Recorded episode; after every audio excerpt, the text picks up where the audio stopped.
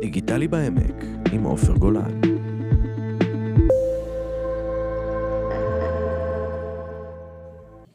אז הנה, אנחנו אה, שוב בדיגיטלי בעמק, ואנחנו מנסים כל תוכנית לשלב את ה... לראות איך החיים שלנו בעולם הדיגיטלי מושפעים מהפיתוחים הטכנולוגיים ובזה שאנחנו נמצאים כל היום מול המסכים. אה, והיום אנחנו הולכים אה, לבדוק עד כמה אנחנו בתזוזה, עד כמה אנחנו ספורטיביים, כי בעצם כל, כל החיים שלנו עברו לשליטה מכף היד. כל החיים שלנו יכולים אה, להזמין שליח. אנחנו רעבים, אנחנו מזמינים שליח, אה, אנחנו אה, רוצים להזמין כרטיס טיסה. כל דבר בעצם אנחנו יכולים לעשות דרך הסמארטפון, על הספה. רוב היום העבודה שלנו, של רובנו, הוא או ברכב, בפקקים, או במשרד מול המסך. ולתחושה שלי, הסיפור הזה הולך מצד אחד ומחמיר, כי אנחנו לכאורה עושים הרבה יותר, נחשפים להרבה יותר, אבל פיזית אנחנו עושים אה, הרבה פחות. ובשביל זה, ובשביל להבין מה אפשר לעשות והאם זה באמת כך, אה, הזמנו לכאן את, אה, את אה, אורטל אופק מבלפוריה. אני גרה בבלפוריה, נכון. גרה בבלפוריה, חשבתי שאת ממרחביה. הסטודיו שלי במרחביה, העסק שלי במרחביה, ואני גרה בבלפוריה. אז, אה, אז וולקאם אורטל, את בעלת סטודיו לחוגי ספורט. נכון. אה, והנה, אפילו ברק ואני עלינו על החולצות ספורט שלנו. לפחות שנעשה רושם, אתה יודע, ברדיו לא רואים באמת מה אנחנו עושים וכמה קשה אנחנו עובדים פיזית. כדי להיכנס לאווירה. כן, כן, בדיוק. אה, אנחנו עכשיו בהרפאיה, כן? אבל עוד מעט נתחיל עוד פעם להתאמץ. אה, אז, אז זה נכון מה שאני אומר, התחושה היא שאנחנו אנחנו בדרך להיות בטטות אה, קורסה. אנחנו כבר בטטות קורסה, זה אנחנו והדור הבא. אני רואה את זה גם בבית, אני רואה את זה על הבן שלי, שהוא כל היום מחפש להיות על המסך, על הפורטנייט, על הפלאפון, בצורה טבעית. זה הוא והחברים שלו, זה מה שהם רוצים לעשות. אז uh, זה הכיוון שמה שקורה. וגם אנחנו, אנחנו עובדים, אנחנו יושבים רוב היום, מגיעים הביתה גמורים, עוברים לשבת על הספה. מה זה, זה עושה לגוף שלנו? קודם כל, זה גורם לנו לפציעות ולנזק, ומעבר להשמנה, שזה obvious. Uh, זה לא בריא לנו, זה גורם לנו לכאבי גב, זה גורם לנו כאבי פרקים, uh, יציבה לא נכונה, וכך הלאה. אין לזה גבול, כאילו. את התחלת ישר מהילדים, ואני חושב שכולנו חושבים על, ה, על הילדים שלנו, ו, ואני, גם אותי זה מטריד, כי אני זוכרת, אני זוכר אותי, תראה, כשאני הייתי ילד, וזה, כמו שאתה יודע, היה מזמן ברק, אה, לא היה וואטסאפ. אז זה היה קטע כזה של בארבע אחר הצהריים, אמא שלי, אמא שלי אישרה, אישרה לנו לצאת, אז היינו הולכים ברגל, הולכים ברגל, לא היינו מתקשרים אפילו, מי היה מתקשר? היית מתקשר לראות עם החבר בבית, ואז אם הוא לא היה בבית, אז היית הולך לחבר אחר. אותי כל עד גיל 18, אף אחד לא הסיע, כאילו, זה גם לא היה, לא היה קיים. אה, מצד שני, סבתא שלי הלכה ברגל את כל אירופה. אז, אז... אה, אני, יש לי תשובה לטענה הזאת שאני שומע כבר שנים, שכשאנחנו היינו ילדים, היינו הולכים ברגל, סבבה. הדיגיטל היום אפשר לספורט להיות הרבה יותר מקצועי, אתה רואה ילדים בגיל מאוד צעיר מתמקצעים בתחומים מאוד שונים מבעבר, אם היום יש לך אה, ג'ודאים, איך שלא אומרים את זה, ג'ודאיקות צעירות, כן. אה, אצנים, אופניים, החשיפה נכון, יותר גדולה. נכון, אבל זה משהו שההורים דחפו אותם לשם. לא תמיד אני חושב, אני חושב שעובדה שאתה פותח את הסרטון ואתה רואה איזה ילד מגניב עושה ג'ודו, אז אתה רץ להורים ואומר כאילו יואו, אני גם רוצה כאילו לעשות את זה. ואז אתה גם בלי בעיה פותח ורואה איפה יש לך חדר כושר או, או מכון אימון. פעם היית נרשם לאיזה חוג קארט אה, בשכונה, שהיית מרביץ למקלות, והיו אומרים, עשיתי ספורט. כן. היום כדורגל, אני, אתה רואה ילדים שבגיל 13-14 אה, הולכים למועדונים קבועים, ולא רק בשכונה עכשיו, נכון. ביום יום אולי הפעלתם והלכתם, ו- ולא היה אוטו ולא היה סבבה. אבל אני חושב שהיום הספורט הפך להיות בחירה. וכשבוחרים בו, אז אה, דיגיטל מאוד מאפשר את זה. כן, נכון. זה, זה גם נכון, גם נכון. אני זוכר שאנחנו היינו צריכים, אה, זרקנו שני בקבוקים, השחקנו כדורגל, אבל לא היה לנו אימונים מסודרים ולא היה מאמן, והיום אני, אני רואה את הילדים, כאילו... היום יש הרבה יותר מודעות מפעם, זה באמת מתחיל מהבית, זה כשההורים במודעות, אז הם מעבירים את זה הלאה לילדים שלהם, והם ירשמו אותם לחוגים וישקיעו בהם הרבה יותר מפעם, כי הם מבינים שאם אנחנו לא נהיה אחראים ונשלח את הילדים שלנו לחוגים, אז מפה זה רק לתת להם עוד אפשרות לשבת עוד שעה על הטלוויזיה ועוד שעה על הפלאפון. אז אני כהורה, אשלח את הילד שלי לכל חוג שאני, שהוא ירצה ללכת אליו, ואני אשקיע בזה, כי אני יודעת כמה שזה חשוב. ואני רואה שזה כן מגמה, שכן יש הרבה הרבה הורים שכן משקיעים בזה. כן, אבל מצד שני, ברק, תסכים איתי ש- שהפערים נהיים יותר גדולים. מאיזו בחינה? שיש ילדים שמצד אחד הרבה יותר ספורטיביים, ומצד שני, מי שלא בסיפור הזה, הולך ו... ומתקרב, כי אז, אני... אז זה נכון. אני אחד... ברוב עוונותיי עבדתי גם בבית חולים, ואני זוכר את, את הרופאים שמדברים על סכרת אצל ילדים, במגמת עלייה מטורפת. אחת התופעות מה... שאתה רואה היום, נגיד בתחום הגיימינג, שזה הוגדר כאי ספורטס, זה נקרא, זה ממש הפך להיות כאילו ליגה של ספורט כזה, ספורט מקוון, ו... הילד יושב באיזה כיסא שהוא לא זז ממנו איזה שנתיים, אתה, אני רואה את הסרטונים האלה, כן, כן גם אני אין לי משחקים, אני בדור ביניים, אז אני יכול להגיד שכשההורים רצו להעניש אותי, אז הם לא היו מוציאים אותי מהבית. ולא באמת, המחשבים לא החזיקו משחקים כאלה טובים, אז גם כאילו... אז זה היה משעמם. אז זה היה כאילו. משעמם, אז היית מטפס על הקירות, אבל... היום אני רואה הרבה צעירים שהם כזה... זה הספורט שלהם, הגיימינג, זה הספורט שלהם. עכשיו, זה, אני, אני, מצד אחד זה מקסים, אתה מאמן את המוח ואתה מפתח כל מיני יכולות כאלה ואחרות. מצד שני, ה, ה, עצם העובדה שאתה ממקד את עצמך רק בזה, זאת אומרת, אני חושב שצריך להיות פה איזשהו שילוב, נגיד, כאילו, תהיה גיימר, תעשה מה שאתה רוצה, אבל באותו, באותה מידה, קח שעה, שעתיים, צא החוצה. גיימר זה מקצוע. זה מקצוע לכל זה דבר, מקצוע, כן, זה הפך להיות... זה מקצוע ומרוויחים מזה כסף, זה, כן. זה קטע. אבל מקצוע מאוד לא בריא. בסדר, אבל גם כל מקצוע, נכון. גם להיות מנהלת חשבונות ולשבת במשרד כל היום זה לא בהכרח בריא. בסדר? זה אותו דבר. אם הגיימר הזה יעשה בנוסף לעבודה שלו בישיבה על הכיסא גיימרים, יעשה גם ספורט, אז הוא כן יהיה בריא. אני חושב שמה שמפריע לברק זה שמגדירים את זה כספורט, כן. וזה האמת כן, קצת לא מגוחך. ספורט, כן, זה... בעיניי זה לא. כן. כן, אני חושב שההגדרה היום היא פשוט politically correct כדי לתת מקום ואיזשהו מנוחה כזה להורים שהם מאוד אה, טרודים בנושא הזה. כי אני לא, לא, הוא עושה ספורט, הוא משחק בפורטנייט. שזה בסדר, אם זה עושה להם טוב. אבל... אה... אז אנחנו בעצם, אז כן, יש, המציאות כן משתנה, משפיעה עלינו המציאות הדיגיטלית, אי אפשר להגיד שלא.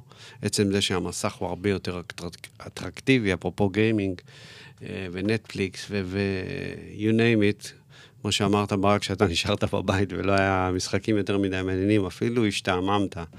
אה, אין להם יותר מדי שעמום, כאילו ילד יכול מהר מאוד להעסיק את עצמו, וגם אנחנו, בוא. ברור. זה, בסוף הילדים זה, זה מראה מסוימת של ההורים שלהם. אה, אז מה עושים? אז מה עושים? אה, קודם כל, ברור שלהיות יותר פעילים ולנסות להיות יותר אקטיביים עם מה שיש לנו בבית, שזה אומר להחנות טיפה יותר רחוק, וזה אומר לחפש מדרגות במקום ללכת למעלית, שזה הדברים בעיניי שכבר מוציאים יותר אנרגיה והרבה יותר אה, בריאים לנו. אה, וכן, לחפש מסגרת שתתמוך בנו ונעשה כושר במשהו שוטף, משהו שיחזיק אותנו. וכן, כל האופציות הדיגיטליות הן אופציה נוספת בעיניי כערך מוסף, כמו השעונים הדיגיטליים, כמו האפליקציות, כמו היוטיוב, שגם נחמד, שאני רואה אנשים שגם מתאמנים דרך היוטיוב, אה, אבל המסגרת, המשהו המחייב הזה, היומים הקבועים האלה ביומן, כמו שעושים לילדים, יש לך בימי שני וחמישי חוג כדורסל, מצוין, גם לך האימא וגם לך האבא, כדאי שיהיה את המסגרת הזאת. אני חושב שזה חד משמעית, כאילו, גם עכשיו הטכנולוגיה מאפשרת לנו לייצר את המסגרת הזאת ביותר קלות. נכון. כי אה, יש לך טבלאות מעקב שאתה יכול לעשות לעצמך, ונגיד תפריט שאתה יכול לראות בפלאפון או במחשב, ולשתף עם חברים, אז יש, יש פה את ה... צריך למנף את זה, אני חושב שפשוט עדיין זה לא ממונף מספיק. אני חושב שאנחנו הרגשנו את זה בקורונה. נכון. בסגרים. אה, שהרגשתי באיזשהו שלב שהילדות חייבות לזוז איכשהו, והתחלנו לחפש ביוטיוב כל מיני סרטונים של מדריכי כושר ואפליקציות, והתחלנו לעשות ביחד. אה, אני חושבת שכולם התחילו להתאמן בקורונה, שפתאום נהייתה הרבה יותר מודעות. אני אפתיע אותך, אני הפסקתי להתאמן בקורונה. באמת? כן. לא, אז אנחנו... חכה לגל השישי, ברק, אולי תחזור. כן, אני... כולם התחילו לרוץ, ופתאום אנשים הבינו שלצאת החוצה ולהתאמן בחוץ לבד זה גם נחמד, וכאילו, גם אני התחלתי לרוץ בקורונה. לפני הקורונה לא רצתי, לא אהבתי את הסיפור הזה. אז הקורונה גרמה לאנשים הרבה... כל היום עם הילדים בבית, אתה בא לך לרוץ בחוץ ולצרוח. כאילו לברוח. אבל גם עם הבן שלי התאמנו ביחד, ועשינו זומים ביחד, ואני חושבת שזה עם כל הקושי של הסגרים, זה היה מקום מפלט של הרבה אנשים, זה עשה טוב, וזה עדיין המשיך, בזכות הקורונה. אה, מצוין, באמת אה, הקורונה אפשרה הרבה, לא יודע, אני לא הרגשתי את זה, אולי בגלל שאין לי ילדים ואני גרתי לבד, אז זה לא כזה אכפת לי. אה, בכל אופן, אנחנו רצים ואנחנו עושים ספורט, והעולם הדיגיטלי נכנס לשם חזק, והתחושה היא שאם אתה, אתה עושה ספורט, ואתה לא מודד אותו בשעון החכם שלך, או באפליקציה, אז, אז, אז זה, זה לא קרה. אז זה לא קרה. זה, זה לא, לא קרה. ספורט. גם אם לא צילמת את עצמך בסוף נכון. האימון, או תוך כדי האימון, זה גם לא היה אימון בכלל. ותייגת, וכן. ברור. אז uh, אני מאוד חלוקה בנושא, כי כאילו גם לי יש שעון דופק, ואני קניתי אותו, את זה ספציפית אני רכשתי בקורונה, ואני קניתי אותו בשביל האימוני ריצה שלי, כי באמת רציתי... Uh, לראות את הזמנים שלי ואת הקילומטרים ואת השיפור שלי וכמה קלוריות אני שורפת וכמה צעדים עשיתי היום. אה, וזה מאוד מדרבן, וגם יש לזה אפליקציה כזאת מגניבה שמלמדת אותך ואומרת לך עכשיו תרוץ, עכשיו תעשה הפסקה. ממש יש לך מדריך באפליקציה שככה מלווה אותך, אהבתי את זה מאוד. אבל מצד אחד זה ככה... יותר מדי ה control הזה קצת מכניס אנשים לא, לאיזושהי אובססיה ולאיזושהי הפרעות אכילה, וכאילו בעיניי, זה מה שאני רואה את זה, ואני חושבת שזה לא מתאים לכל אחד, האובססיה הזאת, המרדף אחרי ה... כמה קלוריות שרפתי וכמה קילומטרים עשיתי וכמה צעדים עשיתי היום. אבל כן. זה כן מעודד הרבה מאוד אנשים. אה, זה... אני, יכול, אני יכול להעיד על עצמי, אני, אני לא רץ, אבל אני רוכב. ואני מאוד, אני מאוד אוהב בסוף הרכיבה גם לראות... אה, ברור. Uh, כמה רכבתי ואיפה רכבתי, וגם קצת שיראו שרכבתי הרבה, ועליתי וירדתי. וכן, זה נותן לך איזשהו סוג של, של אה, תמריץ. יש בזה משהו אנושי. ברור, זה נותן drive, זה נותן לך ככה כל הכבוד שעשיתי את זה. אבל אה, יש בזה קצת משהו מסוכן לטווח הרחוק לדעתי. ואני חושבת דווקא לבני נוער, לחבר'ה הצעירים, כאילו לא הייתי ממהרת לקנות להם שעון דופק כזה. אני אגיד שאחד הדברים שמרתיעים אותי, למשל, אני כרגע לא מתאמן. ותמיד כשאני רוצה לחזור להתאמן, אז זה נורא מפחיד אותי שאני נכנס לחדר כושר, שיש כל הזמן מצלמות מסביב, שכל אחד מצלם ומתעד, וכאילו, התחושה היא שאין לך את ה...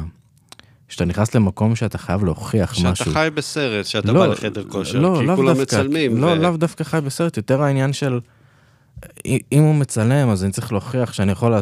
כאילו התחושה כזאת של כל הזמן איזה תחרות סמויה כזאת בפנים, שבסוף, אה, אני רואה ספורט לפחות, אה, לא כבניית אה, גוף או כוח אישי או משהו כזה, פשוט כאמצעי כזה להוריד לחצים ולשחרר, ובאמת לתת לגוף שלי תחושה של... חופש ובריאות ונוחות.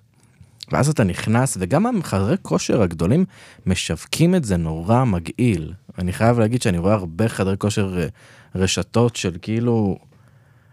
התמונה הענקית שמופיעה לך בכניסה זה זה מישהו עם גופייה כולו אה, אפס אחוז שומן, ואז אתה אומר לעצמך כאילו רבאק, אני לא, אני לא אגיע לזה, אני לא רוצה להגיע לזה, אז מה אני עושה פה בעצם? לא, קודם כל, החתיך הזה שאתה מדבר עליו בכניסה, יש מטרה שהוא מביא מוטיבציה, וזה איזשהו מודל גוף שהגיוני שתמצא בחדר כושר. אבל הוא מפחיד. יכול להיות שהוא מפחיד. שהוא שתה יותר מדי חלבונים נראה לי. הוא שתה יותר מדי חלבונים, יכול להיות. אה, אבל זה לא, זה למט, למטרת מוטיבציה בסופו של יום, וכן, במקומות האלה, ברוב המקומות שזה עם עוד הרבה אנשים, אז יש איזושהי תחרות סמויה, זה ברור. שיש אנשים שזה מביא להם drive, ואני מהאנשים שזה נותן לי את האנרגיה, ואני יותר אתאמן, ויהיה לי הרבה יותר כיף להתאמן לעומת אם אני אבוא ולא יהיה אנשים. אני, אני רוצה לחדד אבל... אולי את הנקודה כן. שלך. אה, תראה, אנחנו ביום-יום חיים קצת כמו עכברי מעבדה. אתה רץ לעבודה, אתה מביא את הילד לבית ספר, אתה רץ לעבודה, יש לך את השמונה שעות, יש לך את המשימות לבצע על המחשב, לשלוח את המיילים, לקרוא את המיילים וזה, ואז אתה חוזר הביתה, אתה אוכל, אתה, אתה עוזר לילד עם השיעורי בית, ואז אתה רץ לחדר כושר, ובחדר כושר יש, כאילו, ו- ואנחנו, ואני חושב שברק, אתה מדבר על זה שאת, שספורט הוא אחר, הוא משחרר. האגרסיביות שיש, שאתה רואה את הבן אדם הזה בכניסה, והאגרסיביות הזאת שאתה רואה בחדר כושר, שנכון, וזה ספורט, וזה ספורט שאתה מתאמץ בו ודוחף אותך על הקצה, אבל אני חושב שעולם ה- הספורט מפספס הרבה אנשים שמחפשים. אני למשל, כשהייתי מתאמן, והייתי מתאמן באופן קבוע כל יום, כל יום כמעט אה, חמישה קילומטרים אה, ריצה, שעתיים חדר כושר, לבד, זה היה לי כיף לבד, כי הייתה שלווה מסוימת, שהייתי הולך לריצות מיוחדות, הייתי רץ, היה פה גם באזור ריצות אה, ליל ירח, דברים כאלה, mm-hmm. המון אה, דברים, ריצות שטח. אז שיווקו את זה נעים, שיווקו את זה כאילו יפה, זה כאילו תמונה עם אנשים שרצים ביחד, ויש פה איזושהי תחושה כאן, אני הולך לפרוק עכשיו קצת, אני הולך להוציא גם אנרגיה טובה, ולא... לך לחדר כושר, תפוס מגבת, תזיע על המתקן, ותשתה מים, תמחץ את הבקבוק, כאילו זה נורא כזה אגרסיבי.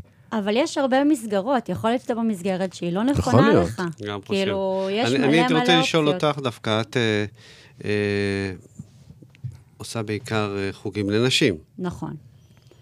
מה קורה? כאילו, איך זה עובד שם? יש לך נגיד חוגים מסוימים שאפשר להגיד, יש typecasting ל... ל... כן, כן, יש typecasting, אה, אבל שוב, זה מתחלק... קצת... אה, זה מתחלק לפי כן. השעות, שעות. זאת אוקיי. אומרת שבשעות המוקדמות יותר, אז יש יותר קהל מבוגר, ובשעות המאוחרות מאוד יש את האימהות אחרי הלידה, שככה תשע בערב, שזו השעה היחידה שהן מצליחות לצאת.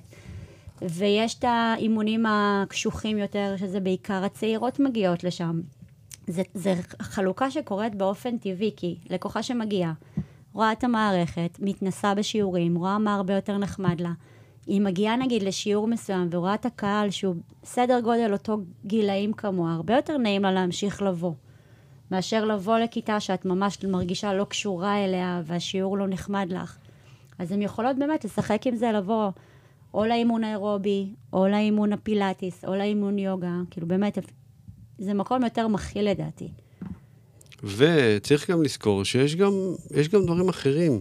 מחוגים וחדרי נכון. כושר, יש קבוצות, יש כדורשת. אני משחקת כדורשת, כדורשת ואני ממש מתה על זה, כן. כן. אני ניסיתי לשחק כדורגל לפני שבועיים אחרי עשר, אה, איזה עשור שלא נגעתי בכדור. החזקתי 40 דקות, זה היה כיף. זה המון. מהמם. כן, זה קטי כמעט בסוף, אבל אה, היה שווה את זה. אבל תמשיך, תמשיך, זה כיף, זה כן, גם... תמשיך עד שתיפצע, ואז אה, נעבור ל... לא. היתרון בקבוצות האלה, כמו הכדורשת, שזה חברתי. שאתה נכון. בא וזה חברתי, ויש לך את החבר'ה שלך, את הכיתה שלך. יש אנרגיה כזאת. כן, זה... ואני ממליצה על זה ממש, על הדברים האלה. אז, אז אני רוצה, לגבי הקבוצות האלו ועל הקטע החברתי, שזה... אני, אני גרתי בהולנד הרבה מאוד שנים, ושם, ואני חושב שזה לא רק בהולנד, יש ממש קלאבים כאלו של חבר'ה שבאים, נפגשים אחרי העבודה, וזה ערב שלם. משחקים כדורגל, וזה לא באמת משנה אם אתה... ון דר באסטן או, או שחקן אה, כאילו תותח על, משחקים כדורגל, אחרי זה הולכים, יושבים כולם בבר, ומקשקשים, ו, ו, ויש הווי כזה. באמת המועדונים האלו, נכון, עכשיו כל הנושא של חדרי כושר מאוד מאוד התקדם והכל, אבל באמת הקטע החברתי, לדעתי זה השלב הבא. לגמרי. ואני מאוד מאוד הייתי רוצה ש, שגם בישראל, אה, אני לא יודע, אני אגיד לך שבכדורשת יש את זה. כן? אנחנו הולכות לשחק, ואחרי המשחק אנחנו הולכות לשבת בקפה קפה. איך ידעתי שזה יגיע לבית קפה? כן. חייב. אנחנו אוכלות כן. סלט. סלט, כן, היא לא מדברת על הבורקס. זה שעת הריחולין, כן. ומיד לאחר. אבל זה כיף. זה ממש כיף. זה כיף גם... זה גם, גם ללכת לבית קפה בלי ייסורי מצפון, כי אתה לכאורה שרפת את הקלוריות. אני לא מאמינה בייסורי מצפון האלה שמגיעים אחרי שאוכלים, אבל אה, כן, זה גם, זה גם משהו שקורה. זה אחד הדברים שאני דווקא כן מסכים. אין, למשל שהייתי מתאמן, והייתי מתאמן נורא קשה, והייתי מגיע לרמה שאני אוכל משהו שאני רוצה, אז אני עובד קשה אחר כך יותר, אז אני מגיע יום אחרי, אני לא מייסר את עצמי. מה, התפנקתי, עכשיו אני משקיע יותר, זה, זה עניין של יחסי גומלין, הכושר וה, והפנאי. צריכים לחיות באיזון, צריכים לדעת ל... אם יש לך לו"ז מסודר ומדי פעם אתה יוצא משגרה וקצת אכלת יותר מדי, לא נורא, הגוף יודע לאזן את זה גם למחרת, פשוט תישאר בפעילות. תמשיך בשגרה שלך, כאילו... אז אני אשאל עוד פעם את השאלה, שעון חכם או אפליקציה, זה, זה טוב לנו או שזה... זה לא רע, זה לא רע, פשוט יש גילאים שהייתי יותר משגיחה על הילדים שלנו, על הילדים. עלינו, אם אנחנו יודעים לשלוט בחיים שלנו ואנחנו יודעים לקחת את זה לקטע הטוב שלו, כי יש לו המון המון יתרונות. עוד אמצעי. זה עוד אמצעי להשיג את המטרות שלנו. אם זו אישה שרוצה להוריד במשקל והיא יודעת שהיא צריכה לעשות לפחות, אני סתם זורקת, לפחות את ה-10 אלף צעדים ביום. אז כן, הוא מביא לה איזשהו מדד. בואי, אחותי, ישבת כל היום. זוזי, הוא גם, הוא שולח לך התראות. זוזי, הגיע הזמן לזוז. בעתיד יהיה שוקר שמחובר כן. לשעון, ואז אתה אוטומטית... אה, קומי. קומי, ישר ריצה. אוקיי, אז בואו נדבר קצת על, אה, על צמיחה.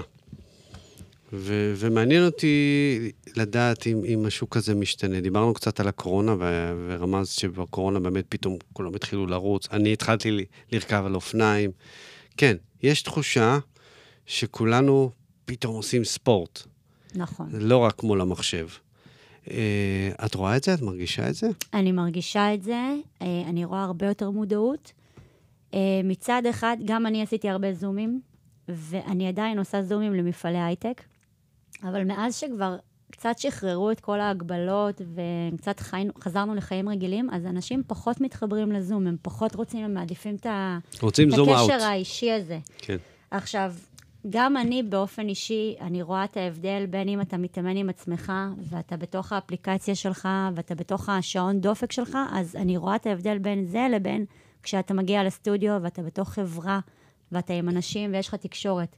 אני חושבת שלהיות עם עצמך כל הזמן ובתוך הדיגיטל כל הזמן, זה איפשהו משאיר אותך עם עצמך ומכניס אותנו יותר לדיכאונות ובאסה וכולי. ואני לא יודעת כמה אפשר להתמיד לאורך זמן לבד עם האפליקציה. כאילו בשביל לראות תוצאות ובאמת שזה יהפוך להיות חלק מהאורח חיים שלך. אני חושבת שלשלב את הדיגיטל עם עוד איזושהי מסגרת, זה, זה המשלים, זה משהו שיכול באמת... Uh, לייצר איזושהי התמדה, לייצר איזושהי מחויבות, לייצר הצלחות. לי נדמה שאנשים שהלכו לחדר כושר או לחוגים לפני 15-20 שנה, זה לא אותם אנשים שמגיעים היום אה, לחוגים האלה. כי אני זוכר את עצמי, כאילו, לפני 20 שנה, שבאמת מי שהלך לחדר כושר זה, כמו שאתה אומר, ברק, היו אלו שרצו אה, להגיע לפוסטר. והיום אתה רואה אתה רואה אנשים מבוגרים, אתה רואה... אה, אה, הייתי לפני שבוע בחוג TRX. אמרתי, מה, איך אני אחזיק מעמד וזה, ונכנסתי לחוג, ואז הגיעו שתי בנות בכיתה ד' ועמדו מולי, כן, ב-TRX, לא יודע אם זה אם אפשרי או לא. אה, אתה פתאום רואה שכולם, כולם בספורט. כן, זה הרבה יותר פתוח, זה הרבה יותר רחב מפעם. יש המון המון סוגי אימונים, באמת, כאילו, יש פיתוחים בזכות המדיה כנראה. יש הרבה יותר את המגוון, את ה... באמת יש המון המון סוגי של אימונים שלא היו לפני 15 שנה, שזה הרבה פיתוחים שעם הזמן, שהתפתחו, וסגנונות אימון שונים. וכן, יש הרבה יותר מודעות, אז אתה יכול להגיע לאימון, ובאמת הוא יכול להיות עם מגוון רחב של אנשים, כל מיני גילאים, ו... שאולי לא היית נתקל בהם לפני 15 שנה. גם רואים הרבה יותר בני נוער. אה... אני לא יודע איך זה היה בתקופתך, ברק. אה, אני, אני ממש מרגיש את זה, שאולי בגלל שתנועות הנוער אחרי הקורונה ממש אה, התרוקנו, או ש, שאנחנו באיזשהו משבר, אבל בני נוער גם מחפשים את ה... בכל זאת. ברור. לא, זה היה אצלנו גם, גיל 16 היית צריך אישור מההורים, אישור רפואי כזה, ואז כולם היו באים לחדר כושר בבריכה, שוברים לעצמם את הגב ודופקים את הברכיים לעתיד. ואחרי חצי שנה מפסיקים. זה היה טרנדי כזה, זה, יש בזה גם היום טרנדיות. זאת אומרת, זה טרנדי. אתה רוצה להיראות בבריכה או בחדר כושר כמו שאתה רוצה להיראות בגיל 20 ומשהו בבר, כמו שלא יודע, בגיל 60 אתה רוצה לעשות פרלמנט בבית קפה. זה טרנד גילאי כזה, זאת אומרת... תשמע, אה... אנחנו היינו אתמול, היה לנו מסיבת סיום של הבת הגדולה. מסיבת סיום של בית ספר, 18, והיה שם איזשהו קטע ש, שכל הבנים הורידו חולצות על הבמה וזה, כמה ההורים התחילו להשתעל חזק. אה, בכל אופן, הם אה, חבורה של אה, נערים שנראו מאומנים, אה, מאומנים היטב. כן, זה חלק מהגיל. אתה... ו- זה... וזה נראה כאילו שזה מעמד סטטוס כזה או משהו כזה. אבל שוב, זה גם משהו שהמדיה, המדיה מכתיבה את זה. כן. יש לך את האינסטגרם, שכולם נראים שם חבל על הזמן, וכולם בכושר, וכולם מתאמנים. תפתחו את הנטפליקס, תראו סדרת תיכון, רוב הכוכבים שם הם בני 30 פלוס. משחקים ילד בי"א. שמשחקים ילד בן 18 עכשיו. כן. כשילד בן 18, בן 17 רואה את זה, אומר, הוא לא... אני לא חושב שהוא מעמיק ואומר, וואי, הבן אדם הזה בן 30 ומשהו, עובר מסדר אימונים, יש לו מאמן אישי צמוד. לא, הוא אומר, וואי, אם, אם בתיכון נראים ככה, אז אני ככה. הולך לראות ככה. כן. הטיק טוק, הטיק טוק זה חתיכת מדיה ש... הילדים מציפה אותך בהרבה הרבה מידע. טוב ולא טוב, אין לנו גבול, אין לנו כאילו בכלל שליטה בתוך זה. אז כן, זה גורם לבני נוער ל- לרצות, ל- להיכנס לאיזושהי מצ... משבצת. אני יכול להגיד שאנחנו, למשל, כצעירים, אני ואחי, למשל, שהיינו הולכים לחדר כושר, אז אותנו יותר הדליק, כי היינו רואים uh, הרבה תוכניות ספורט, ו- ואת כל ה-UFC בזמנו שהתחיל, וכדורגל, והיית אומר, יואו, אני חייב להיכנס לאיזה משטר כזה, זה היה יותר עניין גם של, רצינו להיות במשמעת מסוימת, כאילו זה יותר עניין הקטע ה... המשמעת הספורטיבית הזאתי, של uh, לעמוד בקצב, ו... אמ, ואני חושב שגם הרבה חבר'ה החזיקו מזה, אני גם רואה המון חבר'ה בגילי שהם כבר כזה מאוד אוהבים את התחום של הכושר, וזה הפך להיות ממש המפעל חיים שלהם, ומתאמנים ומאמנים ולומדים, ואני חושב שיש בזה אפקט חיובי, בסופו של דבר שיש לך מודל לחיקוי, שהוא בריא גם, שהוא מלמד אותך מעבר לנראות, אלא משמעת עצמית, ובאמת כאילו... אתה יודע, אנשים רואים כזה קריסטיאנו רונלדו, ורואים שהבן אדם בגיל 30 נראה כמו בן 20, אבל הוא גם מסביר. 37 עוד. 37, כן, הוא מסביר על המשטר שהוא עושה, ועל התזונה שלו, ועל איך הוא עושה את זה, ולמה הוא עושה את זה, אז יש בזה המון, המון דברים חיוביים. אפרופו מה שברק דיבר, הוא זרק את המילה תזונה, אה, אנחנו, את נחשפת לזה גם כ- כמדריכת כושר? זאת אומרת, מתייעצים איתך? כן, ברור שמתייעצים, ותמיד יש על זה איזשהו דיבור ואמירה. Uh, כמובן שמבחינת תזונה אני תמיד אמליץ ללכת לאנשים שהם באמת למדו את זה, וזה ההכשרה שלהם, וזה ההתמקדות שלהם וההתמקצעות שלהם. אני תמיד מביאה את הטיפים הבסיסיים, שזה לאורך חיים בריא, uh, וגם אני משתדלת להימנע מבני נוער, ב... כאילו אני פחות, כאילו כן יש לי מתאמנות בנות נוער, וממש מגיל 12 אפילו. זה הרבה יותר רגיש, זה, זה הרבה יותר... זה נושא מאוד מאוד כן. רגיש, ואני כבר ראיתי ונתקלתי בהרבה עניינים של תופעות של הפרעות אכילה, אז תמיד אם יש איזה משהו שמגיע מבנות נוער, אני ממליצה לאימא קודם כל הרבה יותר להיות מעורבת ומשגיחה, וללכת לתזונאיות ודיאטניות, שזו ההתמחות שלהם.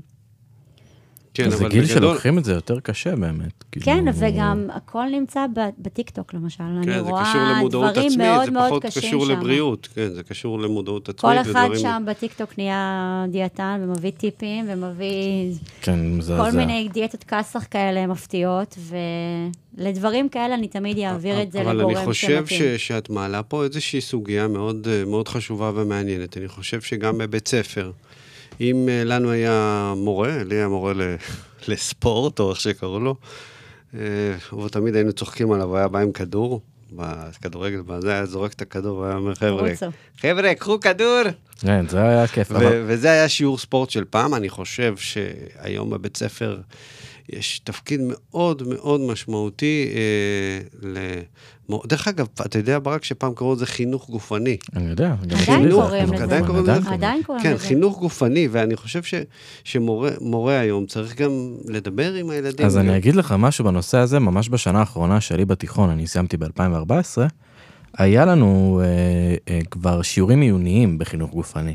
היה שיעור אחד פיזי, שיוצאים להתאמן, שיעור עיון שכאילו רצים בהתחלה לפני השיעור, ואז נכנסים לכיתה, מסבירים אנטומיה, גוף, מה כדאי לעשות, מתי שותים מים, מתי לא שותים, מתי אוכלים, מתי לא אוכלים. עכשיו כן, האלמנט הזה נכנס אני חושב בשנים האחרונות, יש את המודעות הזאת גם בבתי ספר תיכוניים. אני מקווה לפחות, כי אני, אני למדתי את זה. אני שומעת גם מהבן שלי ובכיתה ג'. אז זה מאוד חשוב. אה, כן, הוא אמר שהם דיברו איתם על חלבונים וויטמינים, דברים כאלה שנעמם. עוד שנייה אני אשלח את הילדה שלי לבית ספר עם שייקים. שייק. לאחרי האימון. אז פתאום קם אדם ומרגיש שהוא עם ומתחיל ללכת, ו- ו- ואת פתאום, כמה יום אחד ומרגישה שאת אה, רוצה להיות מאמנת כושר? איך מגיעים ל... אני תמיד חושב שאני... כל כך קשה החוגים האלו, ואתה תמיד מסיים את השיעור ב- ב- על סף אפיסת כוחות, ואז אתה אומר, וואו, איך המאמן יכול להעביר עכשיו עוד שיעור ועוד שיעור? איך, איך מחליטים? אה? קודם כל, אני חושבת ש... מה זה חושבת? אני כל החיים שלי סביב זה, ואני הייתי, בתור נערה, הייתי במגמת ספורט, וכל הזמן הייתי מתאמנת, וממש חיה את זה. וזה היה החלום שלי. וזה כאילו, מבחינתי זה ממש טבעי ללכת וללמוד את זה מיד, כאילו, אחרי בית ספר. אה, וכל הזמן ההורים שלי ככה חששו מזה, הם אמרו לי, לא, זה לא מקצוע שיש בו כסף, לכי תלמדי הנהלת חשבונות. אז הייתי ילדה טובה, והלכתי ולמדתי הנהלת חשבונות. אוקיי. Okay. שלוש שנים הקדשתי לזה. וכל הזמן ככה התאמנתי כמובן בלי הפסקה, וכל הזמן ככה הסתכלתי ככה הצידה, הסתכלתי על התחום הזה, ביררתי.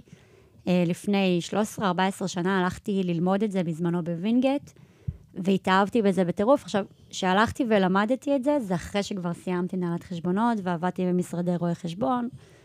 ואמרתי, גם אם אני לא אעבוד בזה, לא נורא, לפחות ככה לעצמי, עשיתי, סימנתי לעצמי וי. עוד לא סיימתי קורס, כבר התחלתי להחליף, התחלתי למצוא כל מיני מקומות לאמן בהם, התאהבתי בזה בטירוף. אה, גם תוך כדי ההיריון חזרנו לגור בעמק, לא היינו גרים פה לפני זה. חזרנו לגור בעמק בהיריון. תוך כדי חיפשתי פה את עצמי, עבדתי גם במכללה, עשיתי פה אימונים לסטודנטים במכללה. אה, עבדתי בכל מיני מקומות. אתה רואה, ברק, פעם הסטודנטים פה עבדו קשה, לא... הם גם היו מתאמנים ממש חזק. היו גם עובדים על הדשא, לא רק... היו פה הרבה יותר שרירים, לא... לא כמונו היום. אז הייתי מדריכה פה ובכל מיני מקומות בעמק, ובאמת, אחרי הלידה פתחתי איזושהי קבוצה קטנה במרחביה, זה היה סוג של, זה היה בתוך הצהרון שלהם, בשעות הערב, זה התחיל מפעם בשבוע, באו בנות, אה, נהיו הרבה בנות, נהיה ביקוש, פתחתי עוד קבוצה, עוד קבוצה, ככה זה, לאט לאט מילאתי לעצמי את המערכת, ובאיזשהו שלב, בגלל שכבר נהיה לי הרבה שעות באותו מקום, באותו צהרון, אמרתי לאחראית, תגידי, יש איזה מצב שאני אשפץ פה קצת? יכולה להביא לי איזה חדר, אני אשפץ? אז היא הביאה לי חדר ושיפצתי אותו, והוא הפך להיות להיראות כמו סטודיו. ובבום זה התמלא, כאילו לא חשבנו שזה יתגלגל להיות סטודיו. והיום אני כבר uh, תשע ומשהו שנים שם בסטודיו, וזה גדל וזה מדהים, ובאות אליי מכל העמק, שזה עפולה ואחוזת ברק וכפר יחזקאל ובית השיטה, ממש, ומהתענכים. כאילו ממש מגיעות אליי הרבה הרבה נשים, וזה מקום שהוא מעבר לאימונים, זה מקום שהוא של העצמה נשית וכוח נשי ואנרגיה טובה, וכיף, כיף לעבוד בזה. מה מרגש אותך בעיסוק הזה של הספורט? מה, אם את יכולה לזקק את זה למשפט אחד? קודם כל, שנשים מוצאות לעצמם את הזמן שהוא רק שלהם, להקדיש אותו לעצמם, כי אנחנו תמיד נשאבות לבית, לזוגיות, לילדים. והרבה פעמים אנחנו במקום האחרון, ואצלי הן לומדות להעריך את עצמם ולמצוא לעצמם, לעצמם את הזמן הזה, ולעבור, אז מעבר לזה שכמובן יש הרבה בנות שבאות בשביל להרזות, אבל הן באות ועושות שינוי לנפש ולבריאות שלהן, ובאמת משנות לעצמם את אורח החיים, וזה מה שעושה לי כיף. כי זה לא באמת להרזות, זה, זה להרגיש טוב. להרגיש טוב, כולם מרגישות טוב. ועל זה לא דיברנו, שבעצם ספורט... אה, משחרר... אנדורפין, אנדורפינים. כן. עושה טוב לכולם. כן. אחרי אימון במיוחד, כאילו, לכולם קשה בהתחלה לצאת רגע מהבית, להרים את עצמך. לגמרי. אבל אחרי האימון, האפקט פעם שזה חם, עושה... פעם קר, כאילו, תירוצים לא חסר. לא חסר, לא חסר. אני יכולה לעזור למצוא תירוצים למי שרוצה, אני כבר, יש לי רשימות. אבל באמת, אחרי האימון, מה שזה עושה לגוף, אין לתאר, והביטחון העצמי, ואיך שהגוף מוחזק בזכות זה, זה... אי אפשר להחליף את זה.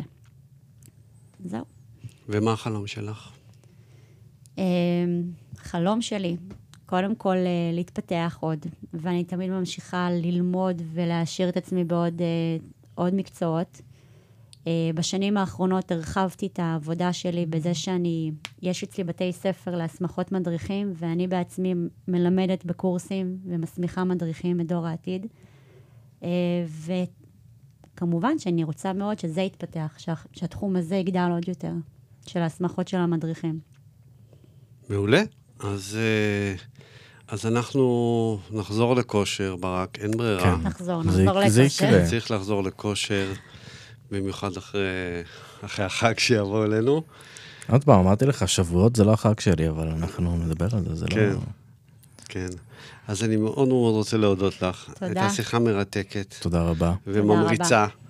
ותודה איך לך, ברק. אה, סושיאל, איפה אנחנו מוצאים אותך, אם אה, מישהי אה, רוצה לבוא כן, להתאמן? אז באינסטגרם אני אורטל אופק ארז, וגם בפייסבוק, ולסטודיו שלי קוראים סטודיו O, סטודיו לנשים בלבד, ואני אשמח שתבואו. קדימה. ואנחנו מפיקים הרי את הפודקאסט שעולה בדיגיטל מושן, בדף שלי, ומי שעוקב אחריי יוכל אה, להקשיב לכל התוכניות שהיו פה. תוך כדי אימון, גם תוך כדי אפשר. אימון, תוך כדי הליכה, זה יד רוחצת. יד, בדיוק. כן, זה- זה תחום מהמם. אז ברק, אה, תודה רבה לך שאתה מארח אותנו ככה כל שבוע, תודה רבה לכם. ונותן בראש עם השירים. תודה רבה.